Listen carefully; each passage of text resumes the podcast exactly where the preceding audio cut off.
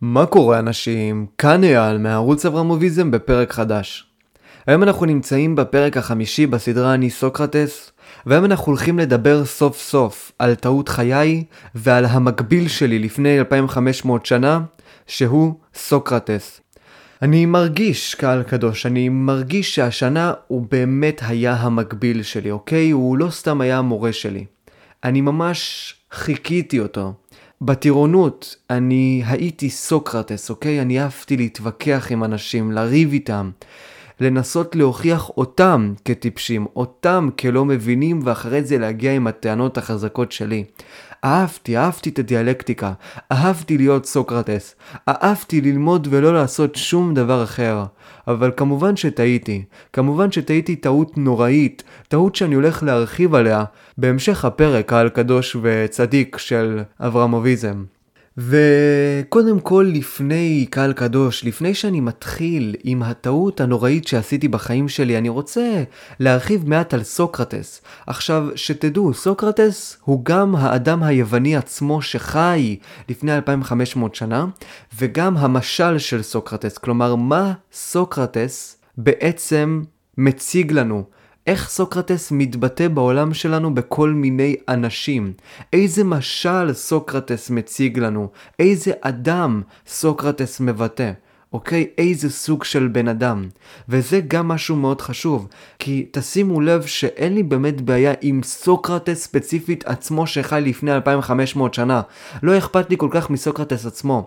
אכפת לי מהפעולות שסוקרטס מציג לעולם, שהוא אומר שאלה הם פעולות ראויות, והאנשים שממשיכי דרכו של סוקרטס, שטוענים גם הם, כמו הרמב"ם, אריסטו, קאנט ושפינוזה וכל האלה, שהאינטלקט והחשיבה וכל אותן פעולות הן באמת עילאיות כמו שסוקרטס אמר.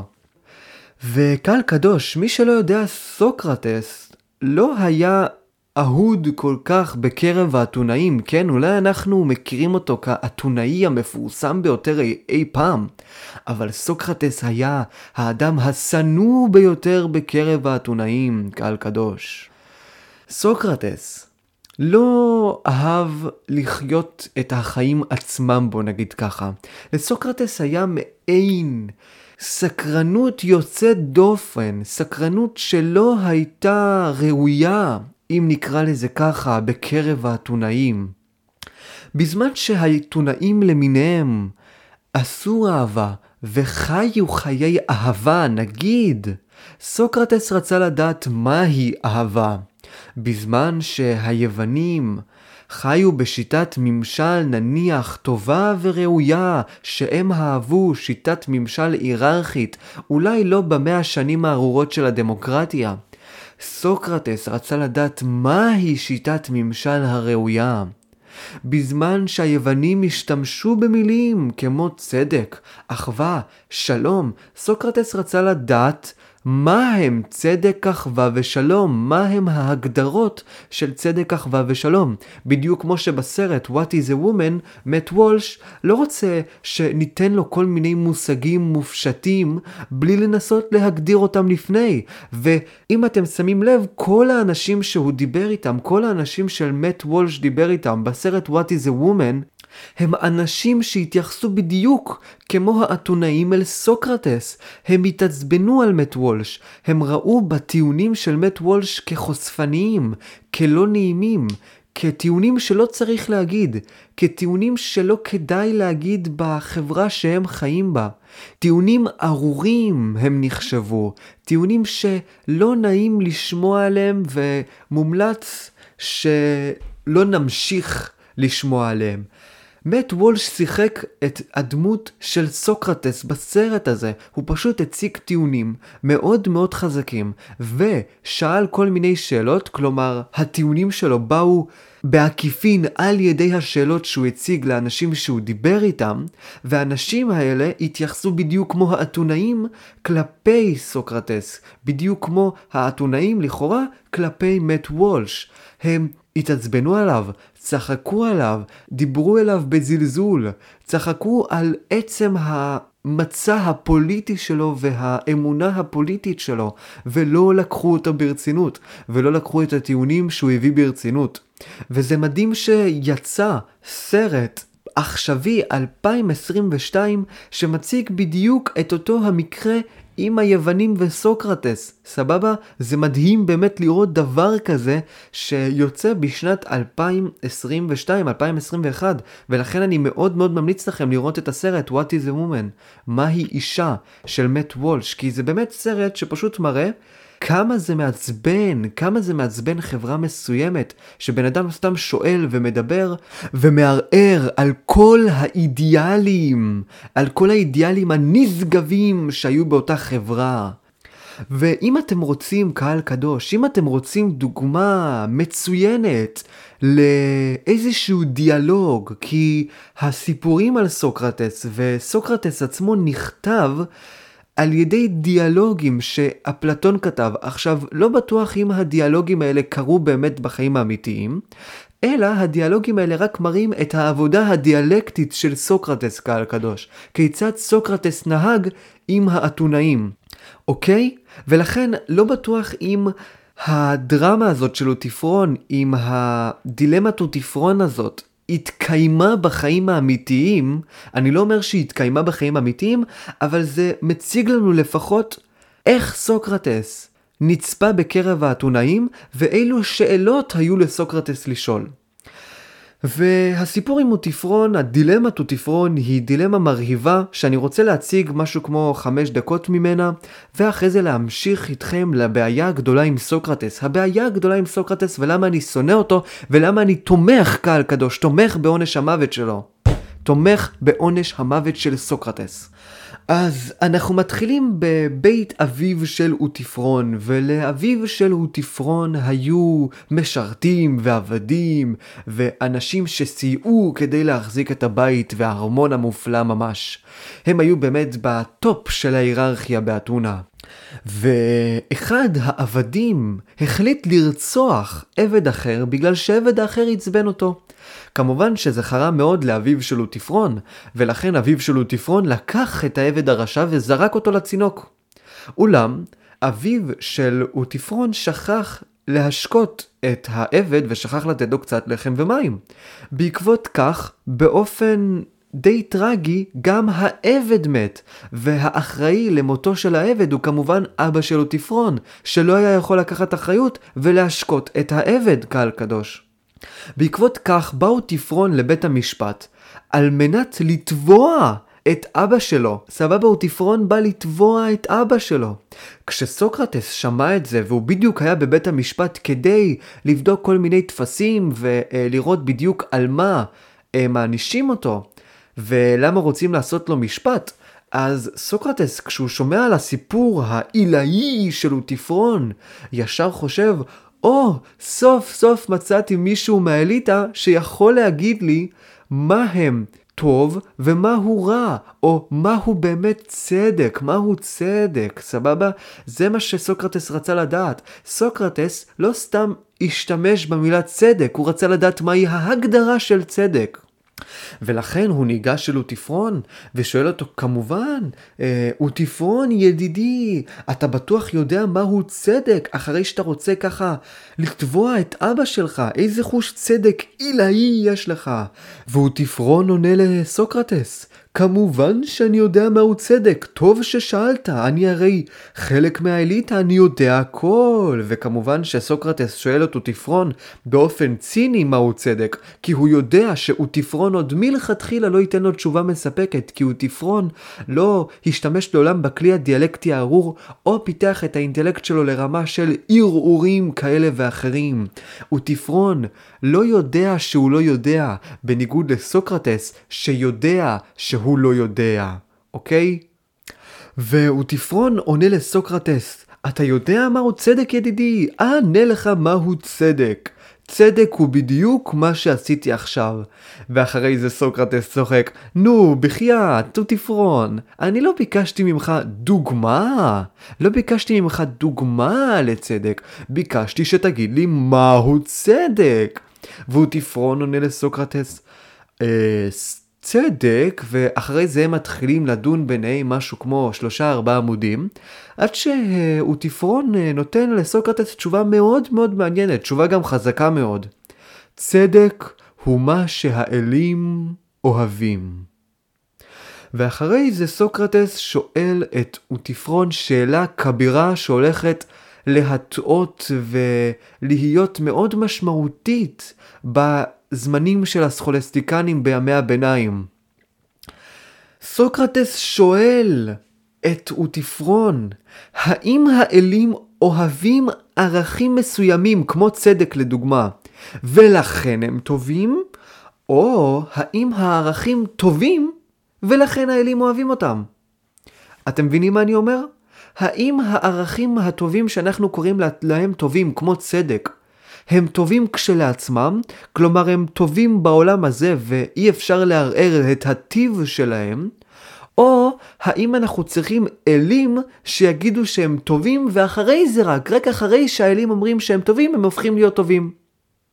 אם נתרגם את זה לשפה שלנו, האם האל מצווה חוקים מפני שהם מוסריים, או החוקים מוסריים מכיוון שהאל חוקק אותם, אוקיי? או שהחוק טוב כשלעצמו, או שהחוק טוב רק בגלל שהאל ציווה כך. יתרה מזאת, אם אנחנו באמת חושבים על השאלה הזאת לעומק, אנחנו מבינים, וזה בדיוק מה שסוקרטס אמר לאוטיפרון, אנחנו בסופו של דבר מבינים שאין בדיוק ערך להגדרה הזאת. כי אם המוסר הוא טוב כשלעצמו ולכן האל מחוקק את המוסר הזה, לא אמרת כלום על ההגדרה של הערך המוסרי של צדק. אתה רק אמרת שצדק הוא טוב מה אכפת לי שצדק הוא טוב? מהם הקריטריונים שבגינם צדק הוא טוב? מהו ההגדרה של צדק לא אמרת. זה כמו עכשיו שתגיד לי, אה, צדק זה טוב ורני אוהב את הצדק. מה אמרת לי כאן בדיוק על צדק? או היית אומר לי, צדק זה טוב כי רני אוהב את הצדק. גם, עכשיו לא אמרת לי שום דבר על הצדק עצמו. אוקיי? זה בדיוק כמו שהשמאלנים ענו למט וולש, אישה זה אדם שמגדיר את עצמו כאישה. אז לא אמרת לי כאן שום דבר על אישה, זה לא באמת הגדרה לאישה, וזה איזושהי הגדרה בעקיפין, זה הגדרה מעגלית שלא אומרת לי מהי אישה שאנשים מגדירים את עצמם על ידי ההגדרה הזאת של אישה. לא אמרת לי כאן שום דבר על צדק. לבסוף, תפרון מתבלבל, מתעצבן, קורא לסוקרטס רמאי כי הוא מנסה לפקפק בהיררכיה המוגדרת האלוהית שהייתה ביוון, והוא בורח. סוקרטס לא הצליח להשיג את ההגדרה לצדק ומוסר. אבל קהל קדוש, סוקרטס הצליח להשיג משהו קצת יותר טוב מזה, משהו שאני הולך להתמקד בו עוד מעט.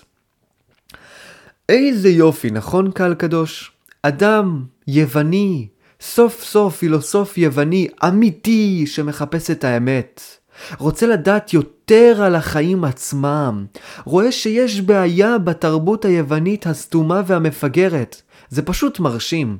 לא פלא שהחיות הביביסטיות היווניות הוציאו את סוקרטס להורג. הם לא היו יכולים לסבול את האמת, כמו שהשמאלנים חושבים שהימנים לא מוכנים לסבול את האמת ולכן הם ממציאים לעצמם אלוהים וממציאים לעצמם הגדרות אבסטרקטיות מוחלטות קהל קדוש. ולכן החברה היוונית הסתומה והמפגרת, כמו שאמרתי, החליטה, כמו שאמרתי, להצביע ברוב קולות למוות של סוקרטס, לעונש מוות לסוקרטס. לא בדיוק עונש מוות, כן? הציעו לו קודם כל לברוח מאתונה, אבל בגלל האהבה של סוקרטס לאתונה, ובגלל הטענה שלו שבסופו של דבר אתונה היא זאת שהביאה לו חיים, אז מומלץ גם שהוא ימות באתונה. ולבסוף סוקרטס שתה את הרעל ומת מול תלמידיו. הרי אם עכשיו גם ניקח את המשל המפורסם של המערה של אפלטון, כמובן שהמערה של אפלטון לוקח השראה ענקית מסיפור חייו המדהים ומעורר ההשראה של סוקרטס, נכון? אי אפשר להגיד שלא. הרי הוא אבי הפילוסופיה המערבית, שהצליח לסחוף אחריו רק עם האינטלקט שלו ועם הרצון שלו לאמת הרבה צעירים יוונים, גם מהאליטה וגם מהאספסוף, ו... אך ורק עם המחשבות, עם הכריזמה ועם האישיות המאוד מאוד מעניינת שלו. אז למה בסופו של דבר קהל גדול כל כך של יוונים שנא אותו? מה הוא עשה רע? ולמה מגיע לו מקצת דיבורים עם יוונים וקצת דיבורים עם מוטיפרון עונש מוות? קהל קדוש, זה, זה לא משהו שאפשר לצחוק עליו. עונש מוות לא הביאו לכל אדם כאילו ככה, קבל, קח עונש מוות, קח, קבל עונש מוות. לרוצח, לרוצח לא הביאו עונש מוות עם האבא של לוטיפרון שהחליט לקרוא אותו בצינוק. ולסוקרטס, שהוא רק דיבר, הביאו עונש מוות? התשובה הבנאלית ללמה הביאו לסוקרטס עונש מוות, והתשובה שכמובן אפלטון כתב עליה, ואנשים חושבים שזו הסיבה שהביאו לסוקרטס עונש מוות, היא כי בסופו של דבר סוקרטס הציק ועצבן את החברה היוונית. סוקרטס הכעיס אותם. כל משפט קטן שחברה היוונית אמרה, כל משפט קטן שאיש אחד אמר לסוקרטס, סוקרטס ישר התחיל לתשל אותו אלפי שאלות ולעצבן אותו ולהראות לו שהוא טועה. זה מעצבן. תנסו לדבר עם מישהו כזה, כמו שאני אמרתי שהיה לי בטירונות. בטירונות, אה, היה לי איזה זוג אנשים שהתווכחתי איתם, וכל משפט שני שהם אמרו, אני פשוט פירקתי אותו לרסיסים, והמשכתי את מה שאני רציתי להגיד. אוקיי? זה ממש ממש ממש ממש ממש מעצבן. במיוחד בחברה שמתנגדת לכל הגינונים הדיאלקטיים האלה, ורואה בגינונים הדיאלקטיים האלה כנחותים ועלובים ומשהו שהאספסוף עושה. ופתאום אני רואה איזה אחד איש אספסוף, עלוב, מכוער, באמת מכוער, מתחיל לקלל ולעצבן ולהכעיס. איזשהו אדם עליון יווני, את אוטיפרון הוא מתחיל לעצבן. איזה מין זכות יש לך? איזה מין זכות יש לך, סוקרטס, ללכת לעצבן את מנון? איש צבא, צעיר, יפה תואר, יווני, אה, חזק ומרשים, איזה מין זכות יש לך? אני לא מבין. וזה בדיוק הייתה הבעיה, זה בדיוק הייתה הבעיה של סוקרטס, הניסיון שלו לפרק כל דבר, להבין כל דבר, ולא לחיות את החיים עצמם, זה מה שעצבן את החברה היוונית. ומתוך העצבים האלה של החברה השמרנית כביכול, שמתעצבנת בקלות, הם הוציאו אותו להורג. עכשיו, כמובן שצריך לתת איזושהי עילה במשפט שבגינה אנחנו רוצים להוציא מישהו מיתונה, או להוציא מישהו להורג. כאילו אפילו את אדיפוס המלך שהוא רצח את אבא שלו ושכב עם אמא שלו לא רצחו והשליכו מטבי, אוקיי? אותו, את סוקרטס אשכרה רק בגלל הדיבורים רצו להעיף מאתונה ואחרי זה גם רצחו אותו, אוקיי? נתנו לו לשתות מכוס הרעל. אז אנחנו חייבים לבנות איזשהו תיק, לתפור עליו איזשהו תיק שלפחות יצליח באיזשהו אופן להצדיק את המעשה הקיצוני שאנחנו הולכים לעשות עכשיו, אוקיי? והם הצליחו לבנות איזשהו תיק שמנקודת מבט ראשונית הוא נראה מאוד מאוד תמים. והנה, אני אמרתי עוד מקודם ש... הדרך שבה מלמדים על המוות של סוקרטס היא מאוד מאוד uh, בנאלית, משעממת ופילוסופית כזאת, אבל לא, התיק הזה בסופו של דבר מראה לנו כאן איזה שהם ערכים כמוסים שסוקרטס שבר בחברה היוונית והיה מסוגל לשבור אם לא היו רוצחים אותו ואם לא היו פועלים יותר מהר קהל קדוש. והתיק הזה שתפרו לסוקרטס הוא לא סתם תיק שאפשר להסתכל עליו ולהגיד אוקיי סעיף כזה וסעיף כזה ואללה בבאללה. זה לא כמו התיק שהשמאל תפר לביבי אוקיי? השמאל היה צריך למצוא כל מיני פשעים של, שביבי עשה ובגינם להפליל את ביבי. עכשיו, מה היה יותר יפה לראות, וזה מה שהקהילה היוונית עשתה, מה היה הרבה יותר יפהפה לראות מבחינה ספרותית אני אומר, מבחינה ספרותית, מה היה הרבה יותר כיף להיזכר בהיסטוריה ולחקור? אם התיקים שתפרו לביבי, לא תיק 4,000 אלף 2,000 אלה המאפנים, אם התיקים שתפרו לביבי אשכרה היו גם מציגים את הבעיה המהותית בביבי עצמו, כי התיקים שתפרו על ביבי מאוד מאוד משעממים ובנאליים ולא מעניינים בכלל, אבל אם עכשיו היו תופרים לביבי תיק על הצלחתו הכבירה, כאילו אה, היו עושים איזשהו חוק כמו שאני יודע שיש איזשהו שליט אחד שהיה פעם באתונה שעשה איזשהו חוק שאי אפשר להיות פי חמש יותר טוב מהבן אדם הכי עני שיש, כי הוא היה מאוד קומוניסט כזה, אז היו מוצאים כמו כזה תיק, או מוצאים כמו חוק, שאי אפשר להיות יותר מוצלח מבן אדם מסוים עד גבול מסוים. אתה כבר צריך להביא נקודות איי-קיו ולהביא כסף אם אתה כבר נמצא באיזושהי דרגה כל כך עליונה שאתה יכול להשתמש בכוח שלך לדברים רעים. ואם היו תופרים על ביבי תיק כזה, זה היה בדיוק מראה את הבעיה הארורה של השמאל בקידום השוויון הארור שלהם, אוקיי? אבל לצערנו אי אפשר לעשות דברים כאלה, והם היו צריכים לעשות משהו קצת פחות ספרותי וקצת פחות מעניין. אבל ככה לא היה עם סוקרטס, קהל קדוש. סוקרטס קיבל שתי סעיפים מרעישים, שמנקודת מבט ראשונית הם לא מעניינים. אבל אם אנחנו נתעמק בהם, ואם אני אסביר לכם באמת מה הם אומרים, מה הם אומרים, מהי הגדולה, מהי הגדולה קהל קדוש של התיקים האלה, אתם תבינו כמה הם משמעותיים. והסעיפים בתיק הם כפירה באלים והשחתת מידות הנוער. האם יכול להיות, קהל קדוש, שהסעיפים האלה מציגים לנו משהו קצת יותר עמוק בקשר בין החברה היוונית לסוקרטס? הרי מהסתכלות ראשונית ניתן לחשוב שכפירה באלים נניח אומרת שסוקרטס פשוט הפסיק להאמין באלילים, הפסיק לעשות פולחנים והפסיק להקריב קורבנות ולגבי השחתת מידות הנוער זה פשוט שכנוע של סוקרטס את הנערים שהאלים כבר לא קיימים. אז עוד פעם, האם יכול להיות באמת איזשהו ערך עמוק בסעיפים האלה? קהל קדוש, התשובה היא כן. אם אנחנו חוקרים את הסעיפים האלה באמת, אנחנו מבינים ששתי הסעיפים האלה הם הדברים הנוראיים ביותר שאדם יכול לעשות לחברה יוונית. ואפילו קהל קדוש לכל חברה, לכל חברה שרוצה לשמר את הערכים הנשגבים שלה. ועכשיו אני הולך לפרט בדיוק מה סוקרטס עשה. מה סוקרטס הרשע והאכזר עשה, ואיך הוא ביטל את האלים והאידיאלים היוונים. אז ככה, קהל קדוש. הסעיף הראשון, כפירה באלים, כמו שאמרתי לפני, האדם הראשון, האדם שקורא זה פעם ראשונה ובוחן את התיק, יכול להגיד, אוקיי, כפירה באלים, הפסיק ל- לשים כיפה או משהו, זהו, סלמתק. לא, קהל קדוש, לא, ממש לא. סוקרטס חיסל, חיסל את האידיאלים היוונים. במקום להתפרע בפסטיבלים דיוניסים, סוקרטס רצה לחשוב. במקום לאהוב, סוקרטס רצה לדעת מהי אהבה. במקום לשתות יין, סוקרטס רצה לדעת מה גורם ליין לשקר.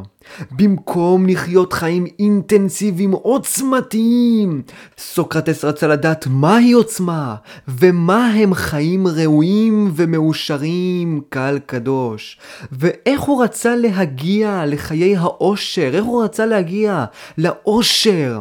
על ידי הרציונליות, על ידי ההבנה של החיים, ולא על ידי חוויית החיים.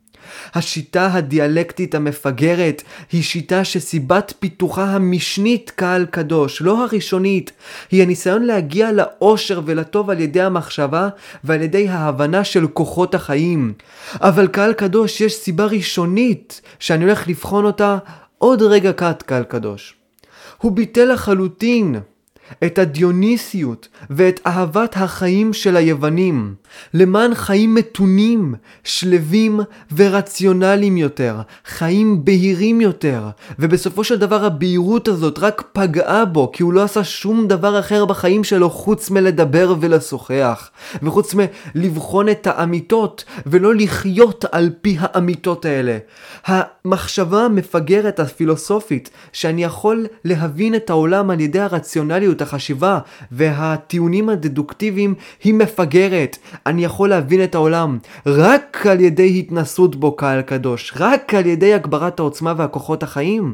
אני יכול להבין את העולם, כי אם אני אנסה להבין את העולם על ידי דיאלקטיקה ועל ידי ניסיון לעשות רציונליזציה מפעולותיי, אני אבין שאין להן באמת איזשהו ערך מטאפיזי, ואני אקלע לניהיליזם, ואני אקלע לחוסר רצון ומוטיבציה. מוטיבציה להתקדם ולהתחזק בעולם הזה, קהל קדוש.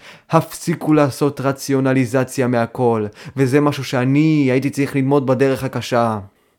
עוד אידיאל נוסף שסוקרטס חיסל, קהל קדוש, חוץ מהאידיאלים ה... אפשר להגיד של החברה היוונית. סוקרטס חיסל קהל קדוש את היופי החיצוני העילאי שהיה מבורך בקרב היוונים. אסתטיקה, אומנות, היו מבורכים. הם לא היו פוסט מודרניים. כשהם ראו משהו יפה, הם אמרו זה יפה. וכשהם ראו משהו מכוער, הם אמרו זה מכוער. הם לא ניסו לעשות רציונליזציה אבולוציונית של מה יפה ומה מכוער, ולבדוק לפרטי פרטים את אידיאל היופי. הם פשוט נהנו מהיופי עצמו, לא מהמחשבה על היופי עצמו. וסוקרטס, קהל קדוש, סוקרטס הציג את הכיעור במלואו, כיעור במלוא הדרו. סוקרטס היה מכוער מבחוץ, באמת אני אומר לכם. ועל כן בחברה היוונית גם מכוער מבפנים. אתם יכולים לחשוב שהחברה היוונית פרימיטיבית. החברה היוונית שופטת את הספר על פי קרחו. זה לא נכון. החברה היוונית פשוט לא נוצרית. הנוצרים אוהבים לעשות הפרדה בין הפעולות המטריאליסטיות לבין הנשמה, בין האדם לבין לכאורה נשמתו והאני הפנימי שלו. לא, האדם הוא פעולותיו, פעולותיו במובן החיצוני, היופי שלו, הנכסים שלו, הכוח שלו בחיים האלה. והאדם השפל והעלוב שרק פנימיות יש לו ורק טוב לב יש לו, זה כל אחד יכול להשיג. זה האדם החולה ביותר, העלוב ביותר, סטיבן סטיבן הוקינג יכול להשיג. אם אני רואה מכוער מבחוץ, הוא מכוער מבפנים, ומכוער זה גם מכוער מבחינה חיצונית של היופי שלו וגם מכוער מבחינת משל, מכוער מבחינת הפעולות שלו, פעולות של חולשה, פעולות של חוסר לקיחת סיכונים, אלא רק פעולות של טוב לב, פעולות של חולשה, פעולות של סגפנות. פעולות של דיבורים ארורים, ללא כל סיבה וללא כל תכלית, קהל קדוש. חזותו הייתה מכוערת ולא אסתטית, מה שחרם מאוד לאידיאל היופי שהוא אלילי בפני עצמו בחברה היוונית. וזה אולי כמו בצבא, קהל קדוש, שאומרים לכם, שאם יש לכם כפתור פתוח, אז זה יוביל גם ל... אה, נצרה פתוחה, וזה גם יוביל לירי בטעות של נשק. כלומר, הדברים הקטנים האלה, הדברים הקטנים האלה שלא מרוסנים ישר בחברה היוונית, עוד התגלגלו להם אל מחלות קשות שהורסות, ממש הורסות מבפנים את החברה היוונית, בדיוק מה שסוקרטס באיזשהו אופן רצה. ולכן זה היה פשע של סוקרטס, שרק בגינו היה צריך להביא לעונש מוות. החיור המגעיל שלו, רק בגינו היה צריך להביא לעונש מוות. האם הוא היה יווני בכלל סוקרטס? מה זה החיור הזה שלא מתאים ליווניות העילאית? אוקיי קהל קדוש? לא מתאים, לא מתאים. ואם אנחנו לא נרסן קודם כל את הכיעור שלו ונגיד לו שהוא מכוער, זה עוד יתפתח לכל מיני דברים קטנים. זה כמו כדור שמתגלגל במורד מושלג ואוסף אחריו עוד ועוד ועוד ועוד חטאים. וסוקרטס קהל קדוש ידע שהוא מכוער, והוא כל הזמן צחק על זה באופן אירוני והתבדח על זה. אבל מבחינה ראשונית אפשר לחשוב שסוקרטס התבדח על עצמו מתוך מודעות עצמית ומתוך אירוניה. לא, ממש ממש לא. סוקרטס צחק, כי הוא חשב על המשפט צוחק מי שצוחק אחרון. הוא ידע שהכיעור שלו הולך להשפיע על אתונה ולהפוך את כולם למכוערים. הוא ידע שהמהפכה שלו תצליח. הוא ידע שאם יניחו לו לגבי הכיעור, גם יניחו לו לעוד כל מיני דברים אחרים. נותנים לו אצבע, הוא ייקח את כל היד. הוא ידע שהמהפכה שלו בסופו של דבר תצליח, ובצדק, היא הצליחה קהל קדוש. את מי זוכרים? את העם האספסופי היווני או את סוקרטס? את מי אנחנו רואים כרשע וכמטומטם? את החברה היוונית או את סוקרטס? כמובן שאנחנו רואים את החברה היוונית כמטומטמת. היא חשבה שהיא תוכל לשמר את האידיאלים היוונים הנשגבים. אבל לא, סוקרטס ידע בדיוק שהחברה היוונית נמצאת במצב של ניוון, אם היא לא מצליחה לרסן קודם כל את החיור המגעיל שלו.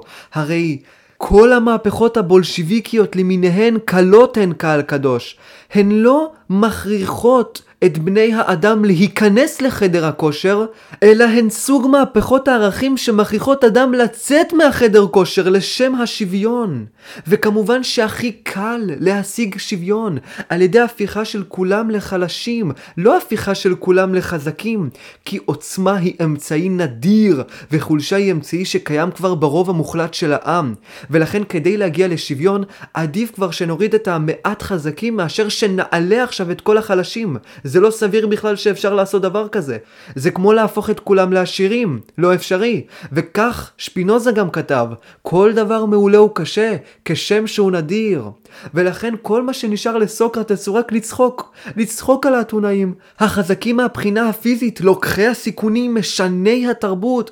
מעט זמן יש לחכות עד שכולם יהפכו למכוערים כמו סוקרטס קהל קדוש. סוקרטס הוא משל למהפכות הבולשיביקיות ולמהפכות הערכים הנוצריות ב-323 לספירה בחברה הרומאית הנשגבת והיפהפייה, וזה קורה גם היום. היום במהפכות הפוסט-מודרניות הדמוקרטיות הארורות שמבטלות כבר את עצם הכבוד והערך לכל קריטריון עלי האדמות וכבר זה לא משנה אם אתה חזק, חלש, עלוב, נקלה, כולם שווים כי אין לנו את קנה המידה, את סולם המדידה, את סרגל המדידה, שדרכו אנחנו יכולים להגיד מיהו טוב ומיהו גרוע. קהל קדוש. אין יותר את ההיררכיה הנשגבת הזאת. אין את ההיררכיה הזאת. ואם נמשיך, קהל קדוש, עם עוד אידיאלים שסוקרטס שבר, אנחנו יכולים לראות שאחד האידיאלים הם ההיררכיה המאוד עקבית ועילאית שהייתה לאתונה. הרי סוקרטס גם כיער את ההיררכיה האתונאית. אמנם, אמנם קהל קדוש אתונה הייתה דמוקרטית, אבל זה לא הדמוקרטיה שאנחנו מכירים. זו הייתה יותר אוליגרכיה אם תרצו. זכות ההצבעה הגיעה רק ל-10% מהאוכלוסייה, שהיו במעמד בורגני והם היו גברים, כלומר זה היה בעשירון העליון. נשים, ילדים ועבדים לא קיבלו זכות הצבעה. אותה היררכיה, למרות שהיא הייתה מבוססת על שקר ולא על עוצמה, קוסמת לי מאוד וקסמה ליוונים, כי לפחות יש היררכיה, גם אם היא לא הייתה בדיוק נכונה ספציפית בפוליטיקה, אבל בספורט, בכל הספורט היא הייתה נכונה, במי כריזמטי ומי לא היא הייתה נכונה, במי יפה ומי לא יפה היא הייתה נכונה, היא הייתה אולי לא אמת, כמו שראינו בסרטון המדהים שעשיתי, אני סוקרטס פרק 4, אבל היא בהחלט הייתה נכונה, נכונה עבור היוונים, נכונה עבור האידיאלים היוונים של היופי, כאילו כאשר יווני היה רואה יווני אחר, הוא היה יכול להגיד אם הוא יפה או אם הוא מכוער, ויופי זה דבר חשוב, קהל קדוש.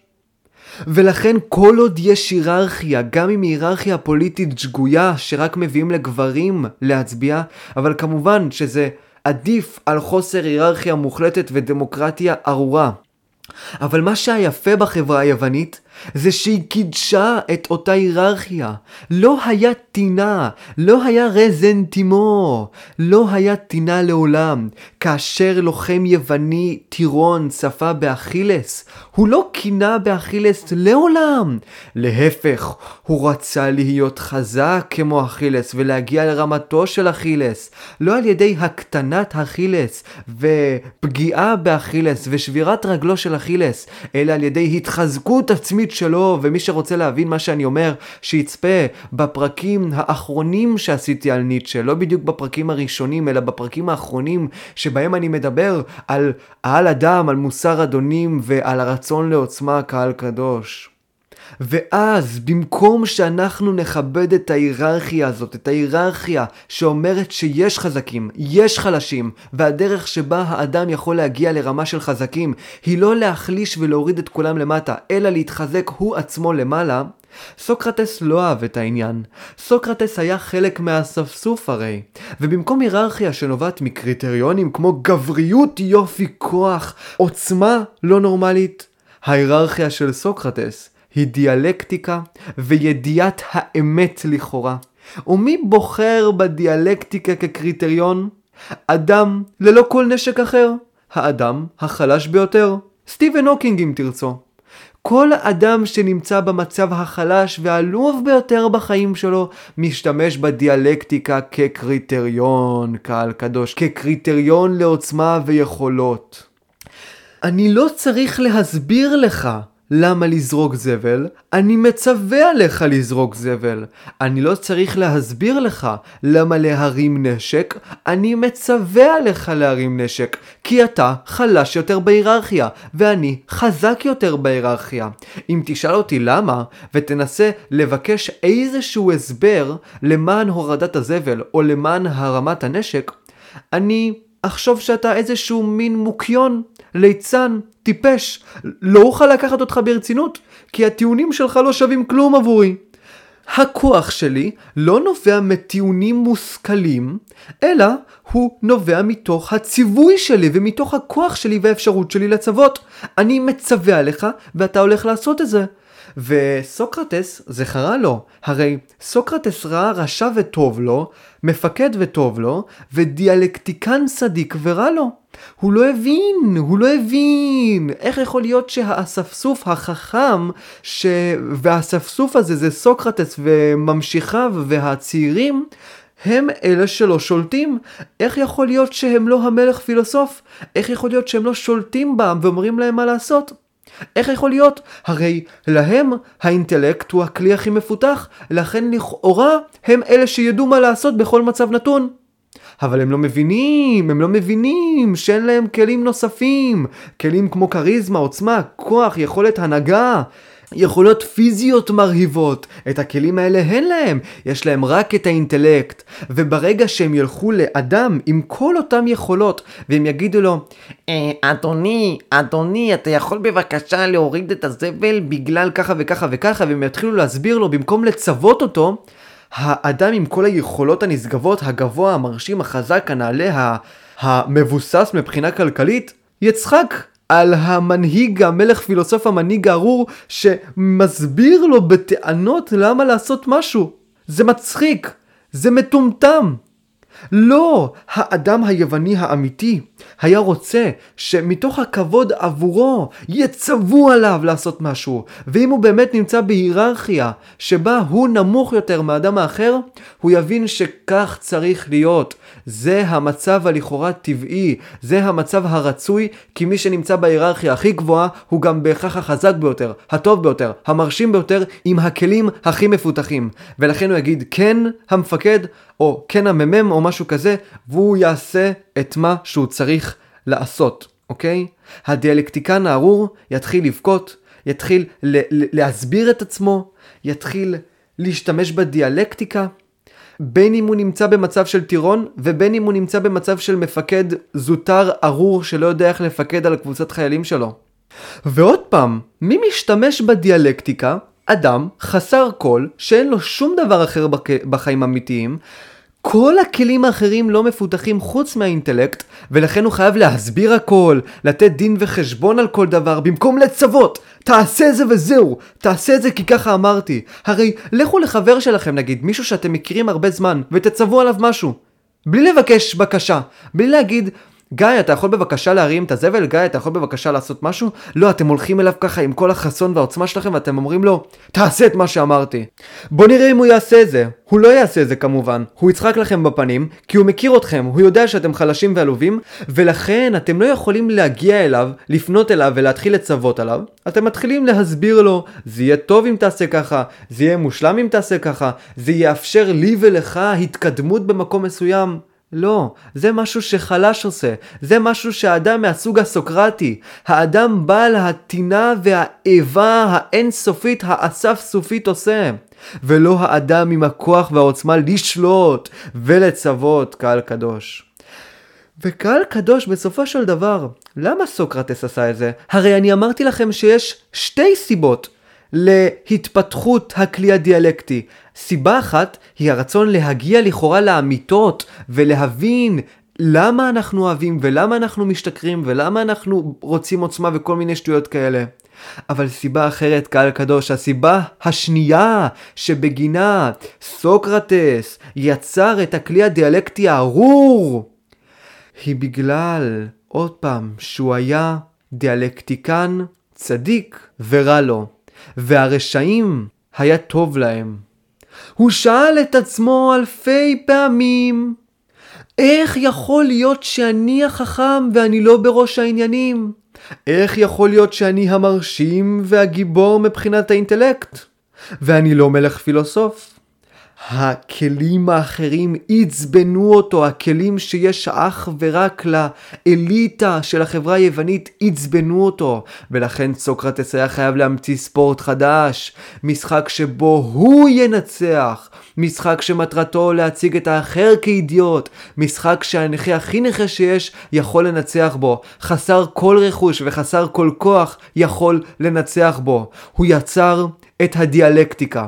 הדיאלקטיקה הייתה הספורט היחיד שבו סוקרטס יכול להיות חזק, סוקרטס יכול להיות טוב, וסוקרטס יכול לאשר את התנהגותו.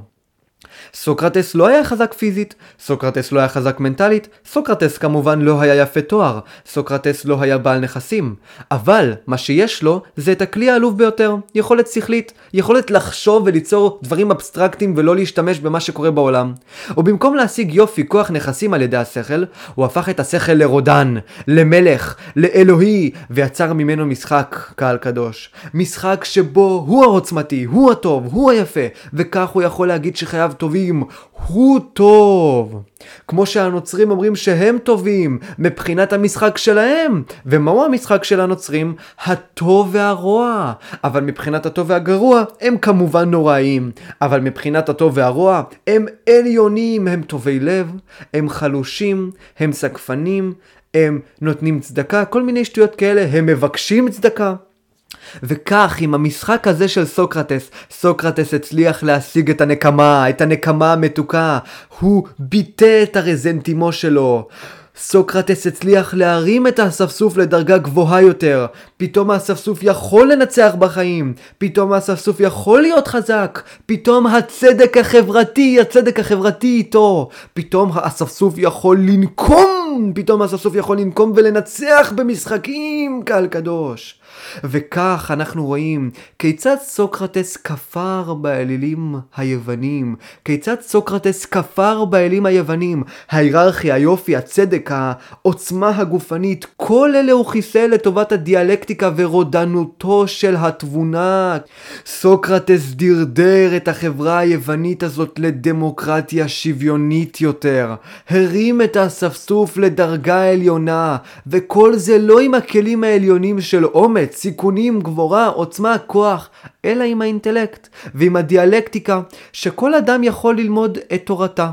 כל אדם, הטיפש, העלוב והחסר כל דברים בעולם, הנכה, הנכה ביותר אי פעם יכול ללמוד את תורתה הנשגבת לכאורה של הדיאלקטיקה, שמאפשרת לך להתחמק מהעולם החומרי האכזר אל עבר עולם האידאות הארור, קהל קדוש.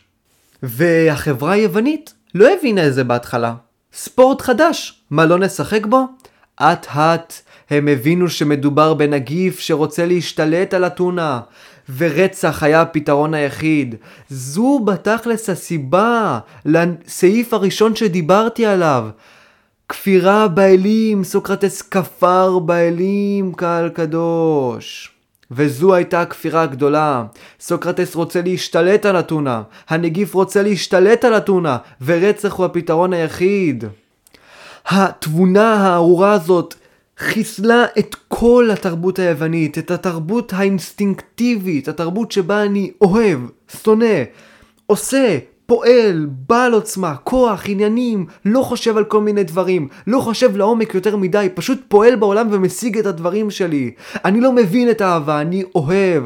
סוקרטס הפך את התבונה לרודן, רודן על הכלים האחרים. כעת, עם התבונה הזאת, אנחנו יכולים לבחון לדוגמה, כמו שמרקס עשה, מהו ערכו של כלי האחריות? מרקס אומר. האם החלש צריך לקחת אחריות על מעשיו? האם אנחנו יכולים להאשים את הקורבן? לא ולא הוא אומר. האם כלי היכולת לקחת סיכונים הוא טוב? שואל אריסטו. לא. שמא האדם ייכשל בדרכו, ולכן אנחנו צריכים ללכת בשביל הזהב. אתם רואים איך התבונה מחלישה את האדם? האדם לא צריך לקחת אחריות? כי הוא, הוא לא חייב לקחת אחריות, מי אמר? זה אה, לא בסדר, הוא לא היה פריבילגי, הוא נולד למעמד סוציו-אקונומי נמוך, לכן איך אתה יכול להאשים אותו בכל מיני דברים? האדם לא צריך לקחת סיכונים, הוא צריך ללכת בשביל הזהב הסוקרטי רמב"מי. עוד שאלות יכולות לדון מכך שהתבונה הופכת לרודן.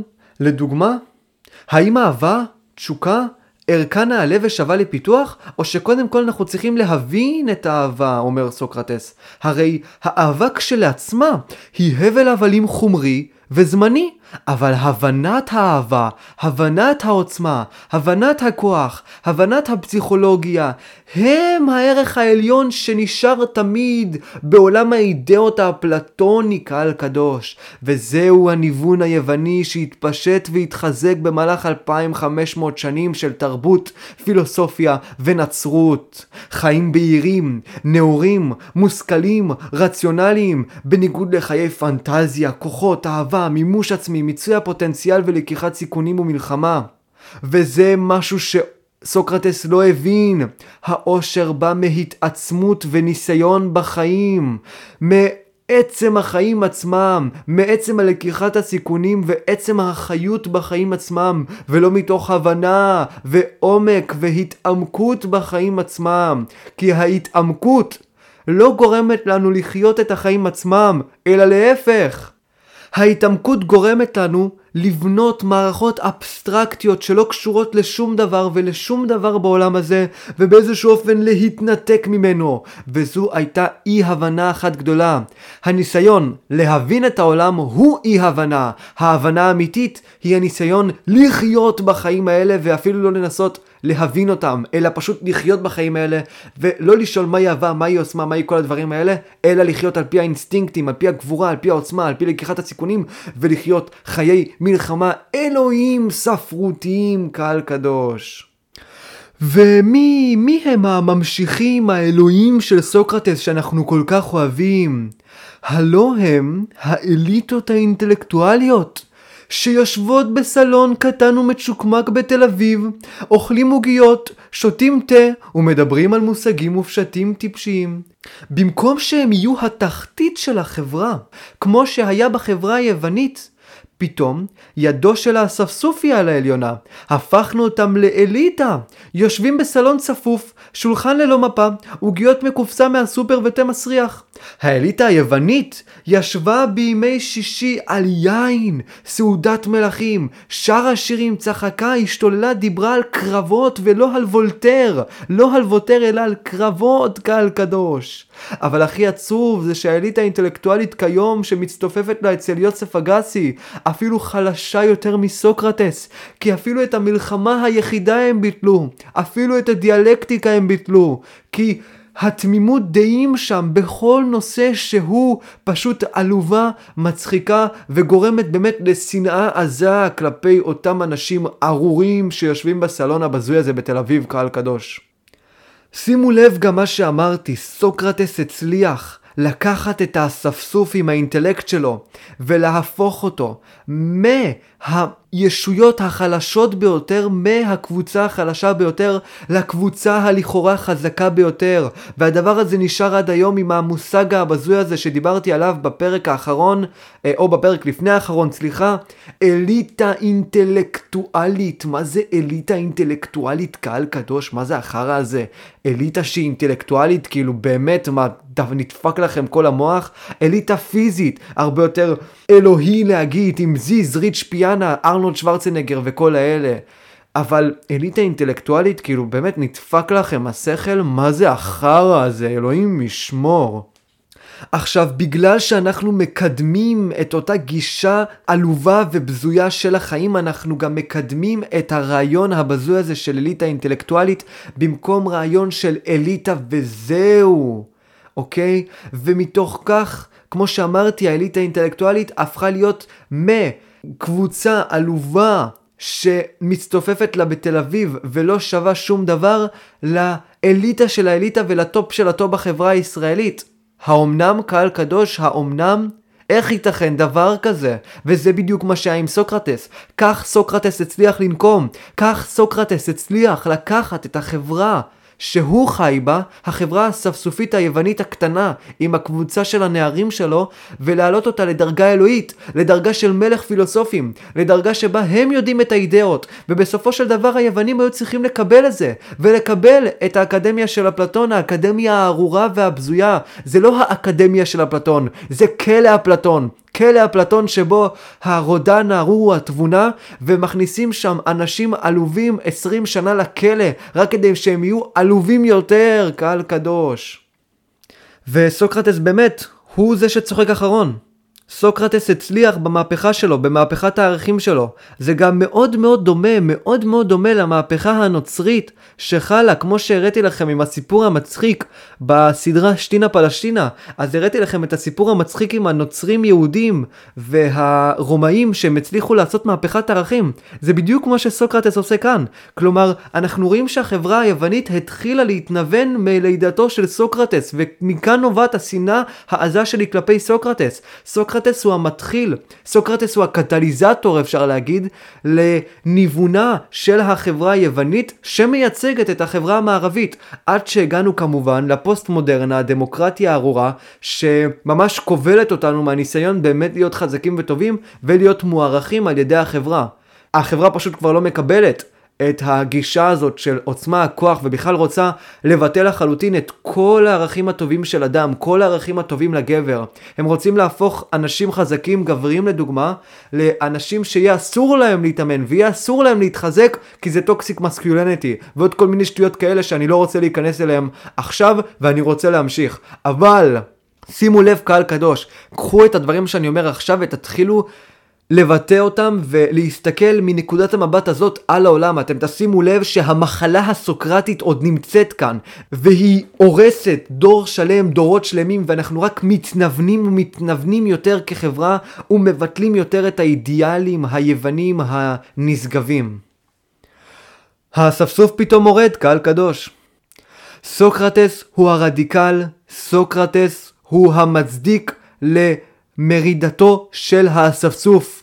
האספסוף בפעם הראשונה בהיסטוריה מתחיל למרוד. הבולשביזם מתחיל. האסון מתקיים. האינטלקטואלים ההמוניים לדוגמה מצליחים לשכנע את האינטלקטואלים הבורגנים, את האליטה, שיושבים בכנסת ובבית המשפט העליון, לפעול על פי מערכת פילוסופית רקובה, כמו גדי טאו וכל הימנים המטומטמים האלה שתומכים בדמוקרטיה וכל החרא הזה.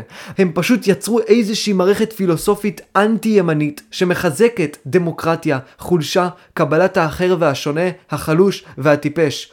וזה פשוט מביך אותי שלשם הידרדר הימין, והימין הפך להיות אפילו יותר שמאלני מהשמאל האמיתי. כי השמאל, השמאל בתכלס הוא זה ששולט בבית המשפט, ובצדק מגיע לו לשלוט, לא בגלל המהפכות העלובות שהוא רוצה לעשות והניוון שהוא רוצה לקדם, אלא מתוך איזושהי אהדה כלפי השמאל שהוא הצליח להגיע לרמה כזאת בניגוד לימין שלא הצליח לעשות את זה, וכל מה שנשאר לו זה רק לדבר כמו מטומטמים בערוץ 14.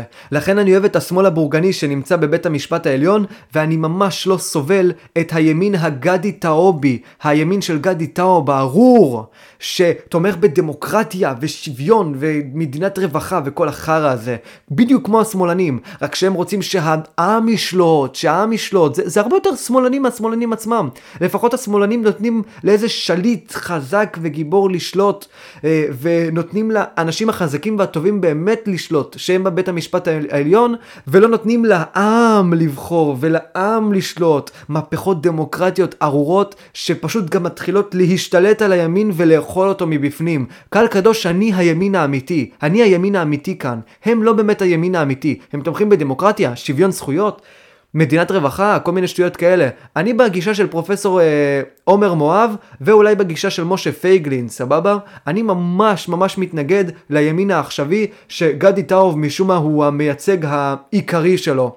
ובתכלס אני יכול להיות גם אזמין אותו מתישהו לערוץ הזה, אם הוא ירצה.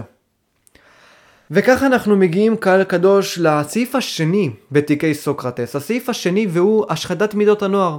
בתכלס, כמו שאמרתי לפני, האדם שקורא את זה פעם ראשונה אומר, השחתת מידות הנוער, אה, אומר להם כל מיני דברים רעים, אה, לא יודע, אל תעשו פולחן, לא לשים כיפה, כל מיני שטויות כאלה. לא, לא, לא, לא, לא, לא, לא, לא, אתם לא מבינים מה זה השחתת מידות, מידות הנוער אז. לפחות לא מבינים את זה על פי ההקשר שעשיתי עכשיו. מנוער בעל מידות יווניות עתיקות נשגבות של מוסר אדונים וכמעט מוסר ניטשיאני.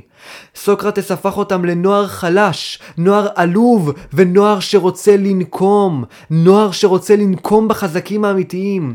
הנוער היווני היפהפה, מנון היפה, וטפרון היפה, אותם הוא לוקח ומשפיל בתחרות הדיאלקטית, והוא לכאורה על ידי הגברת הפער מרגיש טוב יותר עם עצמו. אתם מבינים, אתם מבינים קהל קדוש את הגישה הסוקרטית הארורה? ואיך סוקרטס הרודן הארור הזה החליט לא ללכת לאליטה של האליטה אלא החליט ללכת לנערים? בדיוק כמו שהיטלר יצר את ההיטלר יורגן סבבה? הלך לנערים. בחן אם יש כל מיני נערים שהם נמצאים באיזשהו תהליך של ניוון ופשוט לקח אותם וחטף אותם ממש לכת התבונה שלו ממש כת התבונה זה מה שסוקרטס עשה. סוקרטס לא אמר להם, אל תעשו פולחן. סוקרטס ביטל וחיסל לחלוטין את כל המידות היווניות הנשגבות של הנוער. והדבר המגעיל ביותר, כמו שאמרתי, זה שסוקרטס דווקא הלך לנערים. דווקא הלך לנערים גם שנמצאים באיזשהו תהליך של ניוון, שזה אולי מקביל לתהליך החילון אה, במדינתנו. נניח עכשיו שהיינו מדינה יהודית. אה, מאוד מאוד אה, אה, שמרנית כזאת, אז לנו לדוגמה האנשים המנוונים הם החילונים שנמצאים באיזשהו תהליך חילון וכך הם לא קשורים יותר למדינה. אצל סוקרטס לעומת זאת ובמדינה היוונית הערכים היווניים השמרנים הם היו העליונים, והחילוני היה מי שמגיע אל סוקרטס, ויוצר את תהליך החילון הארור, שבו לוקחים את התבונה וכמו שאמרתי הופכים אותה לרודן. ודווקא להשחית את מידות הנוער של הנערים, זהו המעשה המשפיל והעלוב ביותר שסוקרטס עשה. דווקא לנערים הוא הלך, כי הם המטרה הקלה ביותר. אתם מבינים איזה תובנות עמוקות ואיזה עוצמה בסופו של דבר יש לסעיפים האלה? החברה היוונית, באופן העמוק ביותר, לא הוציאה את סוקרטס להורג בגלל שסוקרטס עצבן אותם. החברה היוונית הוציאה את סוקרטס להורג בגלל שסוקרטס ביטל לחלוטין את כל האידיאלים היוונים ויצר כת של תבונה, שאיתה הוא הולך להמשיך לבטל גם לאחר המוות שלו את כל האידיאלים היוונים. סוקרטס קהל קדוש הוא משל, משל לאדם שהאינטלקט והרציונליות כובלים אותו. משל לאדם שהציב את האינטלקט והחשיבה כערכים עליונים, שמתנתקים מהכלים האחרים ומגדילים את עצמם. החשיבה עבורו היא הפעולה הנשגבת ביותר, ולדעתי הפעולה המשפילה ביותר. פעולה של אדם שבוחל בכלים האחרים, ונמצא בעולם אידטי מושלם ואבסטרקטי של מחשבות. האדם חושב על הפסיכולוגיה של החזקים, אבל הוא איננו חזק. האדם חושב על עושר, אך הוא איננו מאושר. האדם חושב על מלחמות בהיסטוריה, על עוצמות אנושיות, על מהפכות, אך הוא לעולם לא ישתתף במהפכה, והוא לעולם לא יעבור מלחמה, ועוצמה לעולם לא תהיה לו. לחיות בתוך החשיבה, להתנתק מהעולם, זו המחלה הנוראית ביותר, קהל קדוש. לבסוף, גזר הדין של סוקרטס היה, כמו שאתם יודעים, עונש מוות. סוקרטס לא באמת אבל הוצא להורג, כמו שאתם יודעים. היוונים אמרו לו, תברח מפה, אנחנו לא רוצים אותך פה. לך תחפש מקלט אחר. הם רצו להוציא את נגיף הקורונה, את הנגיף הסוקרטי מאתונה. סוקרטס אבל, מתוך אהבה לאתונה, או יותר נכון, מתוך המשימה הזדונית הארורה של סוקרטס, להפוך להיות דמות כמו ישו, ולמות למען המחשבה הנשגבת שלו ולמען דרך החיים העילאית שלו, מחליט לסרב להצעה. את יומו האחרון הוא בילה בכלא, קהל קדוש. כפי שניתן לראות בציור המפורסם של ז'אק לואי דוד, כולם מכירים את הציור המפורסם של ז'אק לואי דוד, שז'אק לואי דוד אה, צייר את סוקרטס ככה, יושב, אני חושב גם שאני שם את זה בתמונה של הפרק, אה, סוקרטס יושב ובדיוק עוד שנייה מקבל את כוס הרעל והולך לשתות אותה. והוא גם מצביע למעלה אל עולם האידאות, ואומר שנפשו עדיין תישאר, ובאמת באיזשהו אופן נשמתו נשארה, התורה שלו נשארה, הוא נשאר נצחי בעולם, אנחנו עדיין חושבים עליו, והתובנות ודרך החיים שלו עדיין נשארה, והמהפכות הארורות עדיין התקיימו לאחר שסוקרטס מת. כלומר, סוקרטס עדיין חי, הנגיף הסוקרטי עדיין משתולל במוחם של הצעירים, קהל קדוש. באותו הזמן, עוד לפני שסוקרטס לגם מהכוס רעל, סוקרטס מסביר לתלמידים שלו את תובנותיו האחרונות ונותן להם הרצאה אחרונה. סוקרטס תומך בהישארות הנפש, כלומר תומך בגישה שהוא הולך לגן עדן, שהוא הולך להתנתק מהחיים החומריים הארציים הזמניים לטובת חיים נצחיים, חיי אינטלקט ועולם האידאות. סוקרטס שותה את כוסרל ואומר במילותיו האחרונות אני חייב תרנגול לאסקליפיוס. עכשיו, מיהו אסקליפיוס? אסקליפיוס הוא אל הרפואה. ומדוע סוקרטס היה צריך להקריב קורבן עבור אסקליפיוס? כי אסקליפיוס ריפא את סוקרטס מהחיים, והנה כאן אנחנו רואים בדיוק מדוע, או יותר נכון עוד סיבה, מדוע סוקרטס רצה למות ולא אה, לעבור לעיר אחרת, קהל קדוש. סוקרטס שנא את החיים, החיים שבהם החזקים מנצחים ולא החלשים הדיאלקטיקנים הארורים מנצחים. ולכן הוא רוצה להקריב קורבן לאסקליפיוס, שריפא אותו מהחומריות, וניתק את נפשו מגופו אל עבר עולם האידאות הנצחי, אל עולם החשיבה הנצחי. האל ריפא את סוקרטס מהקדחת של החיים הארציים. לא סתם בסוף חייו, קהל קדוש, סוקרטס טוען למען הישמרות הנפש, כמו שאמרתי, ותומך בעולם הבא, ובדיוק בגלל זה הוא רצה להקריב קורבן, הוא רצה להכיר תודה. סוף סוף אני מתנתק מהחיים החומריים, בדיוק כמו התאווה ה... נשגבת של הנוצרי העלוב להתנתק כבר מהחיים הארורים האלה אל עבר החיים שבהם הנקמה המתוקה, הנקמה המתוקה מתקבלת והחזקים והעשירים הולכים לגהנום בזמן שהוא צוחק עליהם מגן עדן. הוא זה שצוחק את הצחוק האחרון, צוחק מי שצוחק אחרון, בדיוק כמו בסיפור עם סוקרטס. זה הכל אותו דבר, קהל קדוש. האספסוף, החלשים רוצים להיות החזקים, ולפעמים הם מצליחים. ולמה הם מצליחים? כי הרבה יותר קל להיות חלשים מאשר להיות חזקים. בדיוק כמו שאמרתי לפני, קל יותר לעשות מהפכה שבה אני מוציא את כולם מהחדר כושר, לעומת עשיית מהפכה שבה אני מכניס את כולם לחדר כושר. קל יותר להפוך את כולם לחלשים מאשר לחזקים. ולכן עדיף שנהיה במצב של שוויון ארור מאשר שנהיה במצב שבו כולם עוצמתיים. הרי כן, עדיף שכולם יהיו עוצמתיים, זה פשוט לא ריאלי. כי עוד פעם, ככל שמשהו קשה יותר, כך הוא נדיר, קהל קדוש. לא הרבה אנשים זוכים לעוצמה בחיים שלהם. ולבסוף, סוקרטס רצה למות, ובכוסו של סוקרטס לא נמצא רעל, אלא תרופה. הן תרופה לסוקרטס מהחיים עצמם, והן תרופה לאתונה מהנגיף הסוקרטי הארור. אבל, וזה הדבר הכי גרוע, הנגיף הראשון הזה לא באמת נעלם מהעולם, הקורונה המשיכה לאנשים אחרים. סוקרטס הדביק את ההמון האספסוף הצעיר שהלך אחריו, והם ביחד עם אפלטון הקימו ביחד את האקדמיה של אפלטון, ושם הנגיף פשוט השתולל מאדם לאדם והדביק את כל אתונה. ושם גם הם יצרו, בגלל שהם חייבים לתקף את החיים הבזויים והארורים שלהם, את המשוואה הארורה, תבונה שווה עושר. זוהי הדרך שלהם לתקף את החולי, לאשר אותו, ולהפוך את החיים שלהם לחיים טובים. התבונה היא הערך העליון היחיד שאיתו נגיע לאושר, לא החיים עצמם, לא החיים שבהם החזקים והטובים באמת מנצחים.